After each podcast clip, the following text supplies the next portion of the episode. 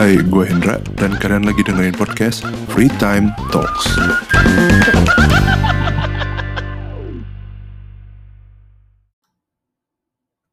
Oke, apa kabar semua? Di episode kali ini topik yang bakal gue bahas mungkin gue bakal jelasin awalnya dulu ya. Eh, judulnya sebenarnya 18 tahun, 18 tahun lagi atau 18 again. Eh, itu sebenarnya gue ide untuk episode ini adalah dari drama Korea yang kalau di filmnya sih udah selesai ya seriesnya ya.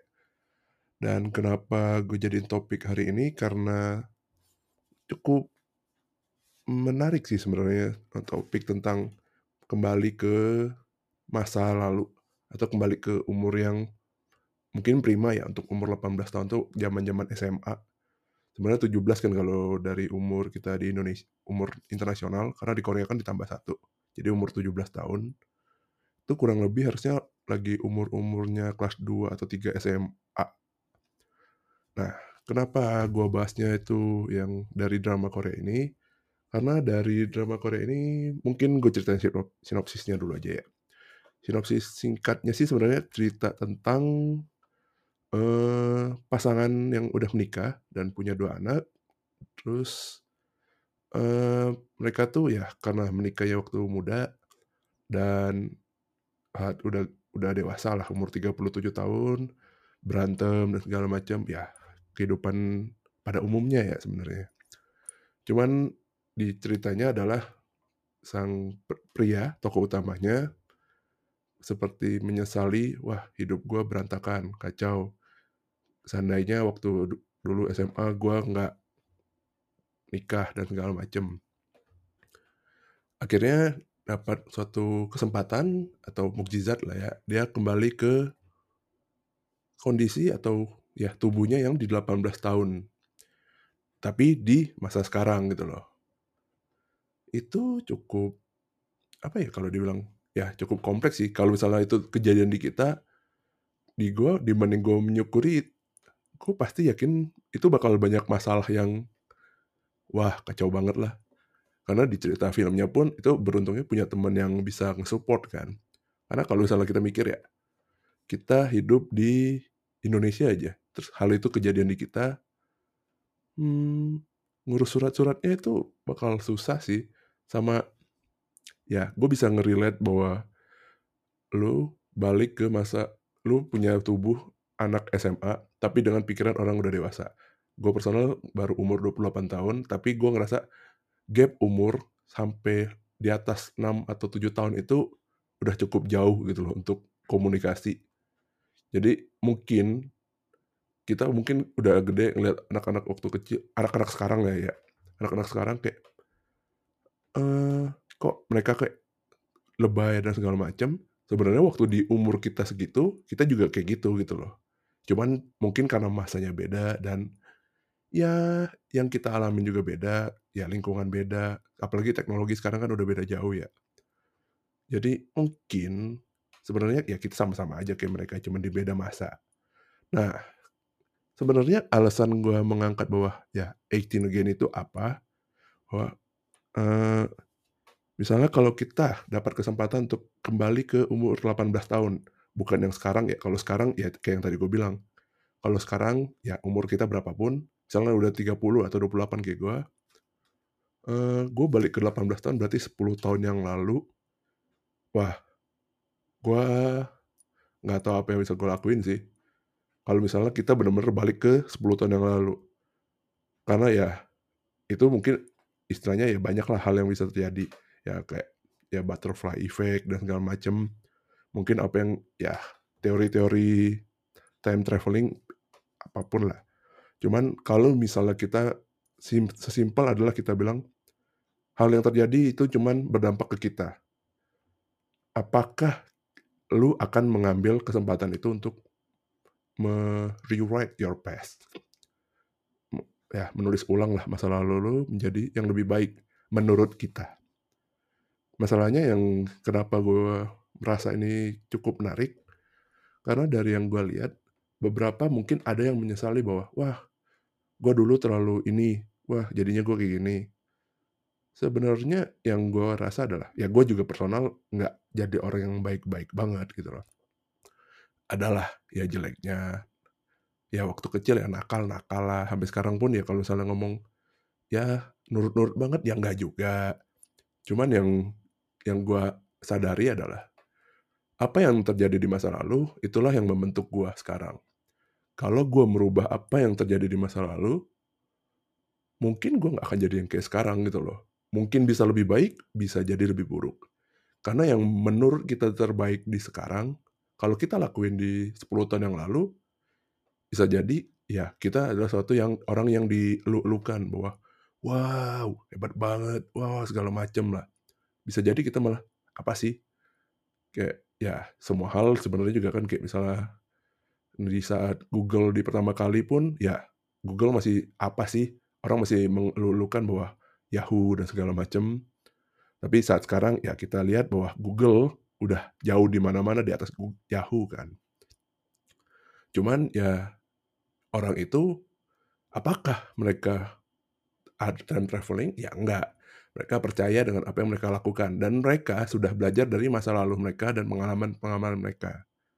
Kesempatan yang mereka dapat dan apa pun yang mereka alamin. Nah, apa ya kalau misalnya gue bilang sebenarnya topiknya nggak terlalu panjang sih lebih ke kalau dibilang apakah kembali ke masa lalu itu adalah sesuatu yang menyenangkan atau wah kita bakal jadi kaya nih misalnya kita ngerubah segala macem ya gue juga percaya bahwa butterfly effect bakal berjalan gitu loh butterfly effect adalah kalau bisa kita melakukan sesuatu ya hal-hal yang bersinggungan bakal berubah juga kan sebenarnya jadi kayak mungkin kita ngerubah, kita jadi baik, justru kita malah merusak hidup orang lain. Even sekarang pun kita melakukan apa pun, bisa jadi kita kan apa yang menurut kita benar, kita bisa berpengaruh ke orang lain. Itu ber, berpengaruh juga misalnya kayak kita melakukan situasi kayak apa ya, membuat sesuatu yang membantu orang. Otomatisasi lah ya.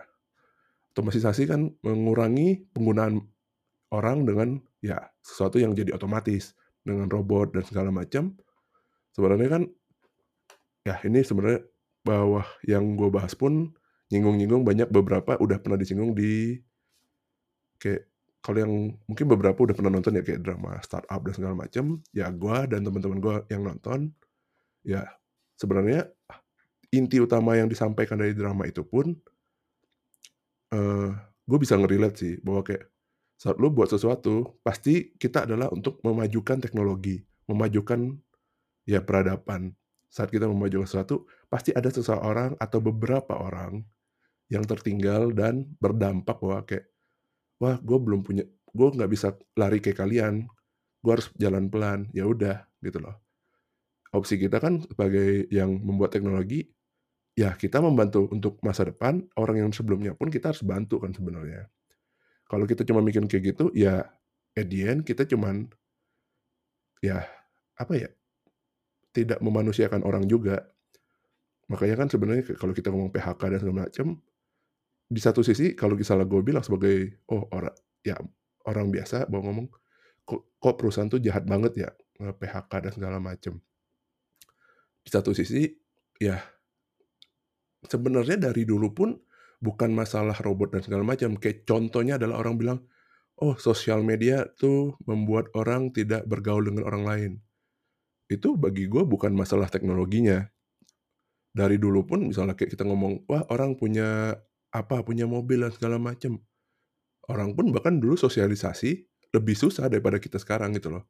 Sekarang kita bisa chat, bisa ngobrol dengan orang yang jauh sekalipun. Kalau dulu, ya kita sosialisasinya dengan orang sekitar jadi ya sama-sama aja, cuman caranya yang berbeda. Makanya gue bilang dari tadi, dari awal sebenarnya, dari awal adalah saat kita ngomong yang terbaik zaman sekarang, belum tentu kalau kita apply gitu ke masa lalu, itu juga terbaik untuk di masa itu gitu loh.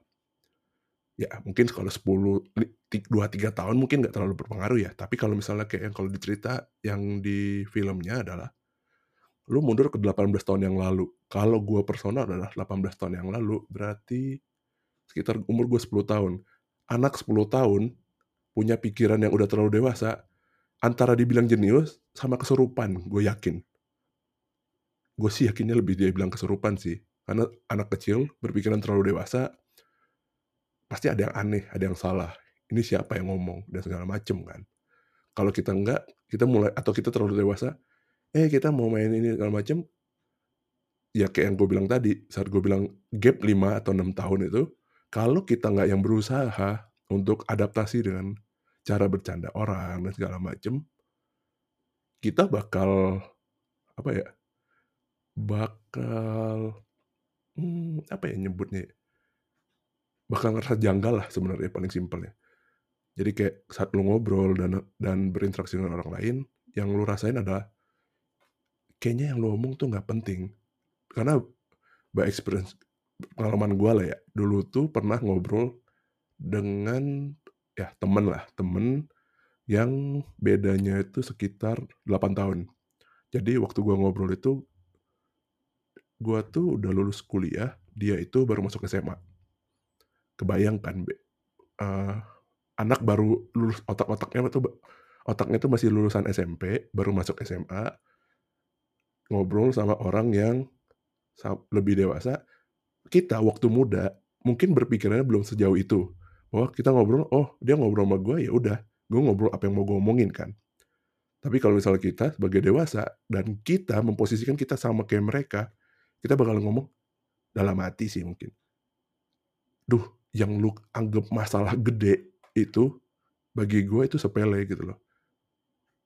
Dan akhirnya maka itu gue bilang saat kita kembali ke masa lalu, mungkin kalau kita bandingin sama drama yang gue yang di Agent Again tadi, ya dia menyelesaikan masalahnya sebagai event itu ya gue kalau misal gue cerita sih ujungnya jadi spoiler ya. Cuman intinya adalah dia menjalani hidup umur 18 tahun sebagai dengan pola pikir orang umur 37 tahun, 37, 38 tahun. Itu bagi gue susah banget sih. Karena ya kita sebagai pengalaman yang kayak bilang tadi, ngobrol sama orang yang gapnya lumayan jauh, itu challenging banget.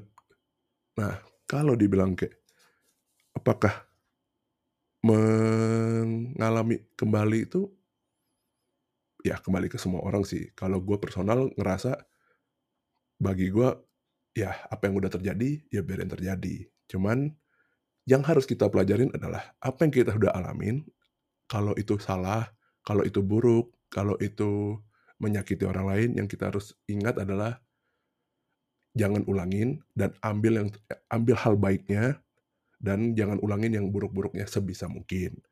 Karena ya kita masih manusia kan. Kalau misalnya kita ngomong nggak akan pernah mengulangi, mungkin terlalu naif lah. Karena mungkin aja kan kita namanya juga kayak hmm, apa ya? Kelupaan atau mungkin yang bagi kita pikirin enggak, ternyata bagi orang iya. Karena persepsi setiap orang pasti berbeda. Jadi sebenarnya topiknya 18 tahun lagi, tapi yang gue bahas ke mana-mana. Oke, standar. Ya kalau kalian udah, udah sering dengerin podcast gue, obrolan gue ke mana-mana emang biasanya. Ini masih lebih ke arah karena gue udah bikin poin-poin sekarang. Uh, lagi ya, ya kalau kita ngomong dramanya ya bagus gitu loh. Edian dia menyadari gitu loh. Ini kalau misal kalian belum nonton, nonton deh harusnya ini sebenarnya cuman kayak remake bukan remake ya uh, referensinya tuh dari film yang udah ada di 2009 2009 yang dari versi Amerika Seventeen Again yang main tuh Zac Efron kalau nggak salah iya bentar. Ya betul. Jadi ya sebenarnya ceritanya intinya sama aja. Saat dia kembali itu dia berkomunikasi dengan anak-anaknya. Dia ngelihat dari sudut pandang yang berbeda. Oh ternyata ini hanya masalah komunikasi gitu loh. Jadi sesuatu yang mungkin sesimpel bahwa masalah yang lo alamin saat kita udah terlalu dewasa adalah kita pendem semuanya. Kita merasa bahwa kita ngomongin ke orang lain mungkin orang nggak akan ngerti kalau atau kita ngomongin ke orang lain orang yang bakal kita bakal nyakitin atau nyusahin orang lain juga tapi terlalu banyak dipendam, akhirnya semua orang hidup dengan asumsi dan semuanya berantakan. Saat lu sadar bahwa komunikasi adalah hal yang penting sebenarnya ya kita nggak perlu namanya kembali lagi ke masa lalu atau kita merubah yang terjadi sebelumnya. Karena yang udah terjadi, ya udah gitu loh. Ya itu jadi pembelajaran kita untuk lebih baik ke masa depannya dan juga apa ya kalau dia bilang gue terlalu sering banyak mengulang kata yang sama, ya maklumin aja. Tapi untuk menjadi diri yang lebih baik, ya kita nggak bisa pernah bilang kita selalu hidup selalu jadi yang benar benar benar benar. Untuk tahu yang tahu jadi yang benar, kita harus pernah tahu apa yang salah. Cukup tahu juga nggak apa-apa gitu loh. Belajar kan nggak harus selalu lu mengalami. Wah, nggak belajar nggak harus selalu lu yang mengalaminya langsung. Bisa jadi lu belajar dari pengalaman orang, eh, cerita orang, lu melihat sendiri kejadian dengan orang lain. Kita belajar melihat ah ini satu hal yang menurut gue cukup penting sih. Gue sering mengalami ya diceritain lah sama teman-teman gue masalah A, B, C. Satu hal yang gue pelajari setelah berkali-kali ngobrol dengan teman-teman gue, kalau lu dengerin cerita orang, jangan langsung saat lu bilang si A bilang bla bla bla bla, kalau si B tuh bla bla bla bla. Ya udah, tangkep dulu. Kalau lu emang pengen menyelesaikan masalah ini, dengerin juga dari sudut pandang B. Biar lu dapat benang lurusnya itu adalah ya garis lurusnya adalah apa sebenarnya masalah mereka. Karena biasanya masalah intinya adalah komunikasi. Jadi kayak si A itu ada missing pointnya yang nggak disampaikan sama B karena si B ngerasa si A itu harusnya ngerti. Dan si B pun juga sama ngerasa dia ngerasa ada yang udah apa sih nggak ngerti apa-apa padahal si A tuh berharap bahwa si B itu ngomongin apa gitu loh. Jadi ya inti masalah yang ya poin paling penting sebenarnya di episode kali ini adalah komunikasi itu penting. Udah. Cuman tiga kata itu komunikasi itu penting. Jadi jangan merasa bahwa ah dia pasti ngerti. Kalau emang lu ngerasa itu penting, sampein lagi aja. Kalau orang ya bosen, ya nggak apa-apa gitu loh. Mendingan bosen daripada kita berantem gara-gara nggak tahu apa yang jadi masalah kan. Itu jadi itu juga sering jadi kejadian juga gitu loh. Berantem ditanya kenapa? Enggak. Apakah masalahnya selesai? Ya enggak juga gitu loh jawabannya. Karena kalau misalnya gue personal adalah pria yang nggak peka apalagi kalau misalnya gue udah nanya terang-terangan orangnya cuma ngomong enggak gue akan anggap itu bahwa itu ya enggak gitu loh. Dan kalau lu marah ya gue nggak tahu gue harus gimana. Karena gue emang tipikal yang gue secara personally nggak suka berantem yang terus-terusan. Jadi kalau misalnya emang berantem gue lebih prefer ya udah dinginin dulu kepala masing-masing. Kalau dipaksain nyelesain di saat itu juga ya pasti jadinya tambah gede gitu loh apinya. Api ketemu api ya udah makin gede apinya apa yang lo harapin gitu loh. Nah pembelajaran lainnya adalah sebenarnya nggak terlalu sebenarnya cuma jadi bridging doang sih untuk yang acting again Cuman ya kalau kalian mau nonton itu itu dramanya gue suka banget sih sebenarnya. Bagus dan itu satu-satu kayaknya baru drama Korea pertama yang gue tonton ongoing. Biasanya gue tunggu tamat dulu baru gue tonton. Ini gue karena premisnya gue suka, gue tonton dari episode 1 ya ongoing aja gitu loh. Dan menarik. Ceritanya nggak terlalu berat sebenarnya. Ya mungkin ya mungkin pengaruh umur juga ya. Makin dewasa ya cerita-cerita yang kayak gitu malah lebih masuk ke otak daripada cerita-cerita drama anak muda Nah itu yang gue bilang tadi, gap umur itu penting. Jadi makanya kalau kita ngomong, sebenarnya gap, kalau kejauhan itu susahnya apa sih?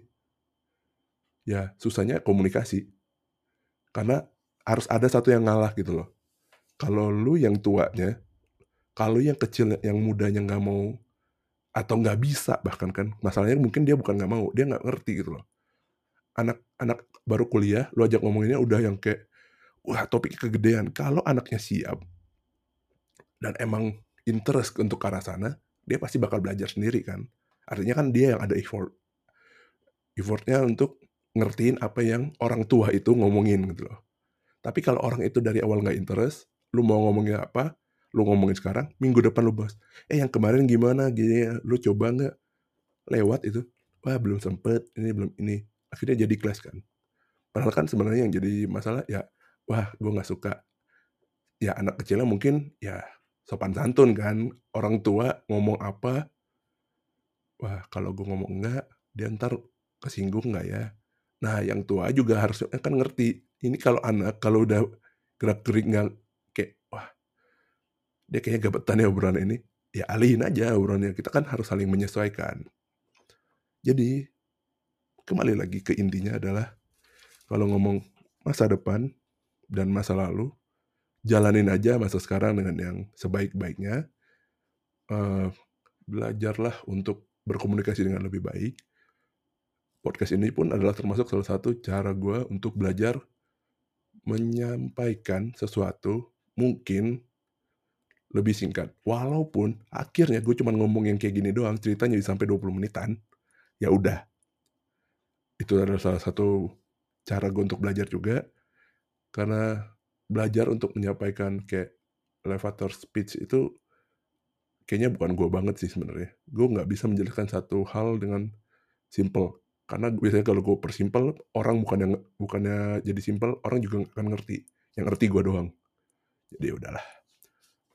Oke, kayaknya cukup sampai sini dulu aja episode kali ini. Uh, pergi ya. Sampai jumpa di episode selanjutnya. Kalau misalnya ada kritik, ide, dan saran, bisa kontakin ke gue langsung. Ntar ya kontaknya ada di di deskripsi podcast ini juga. Oke, sampai jumpa. Thank you.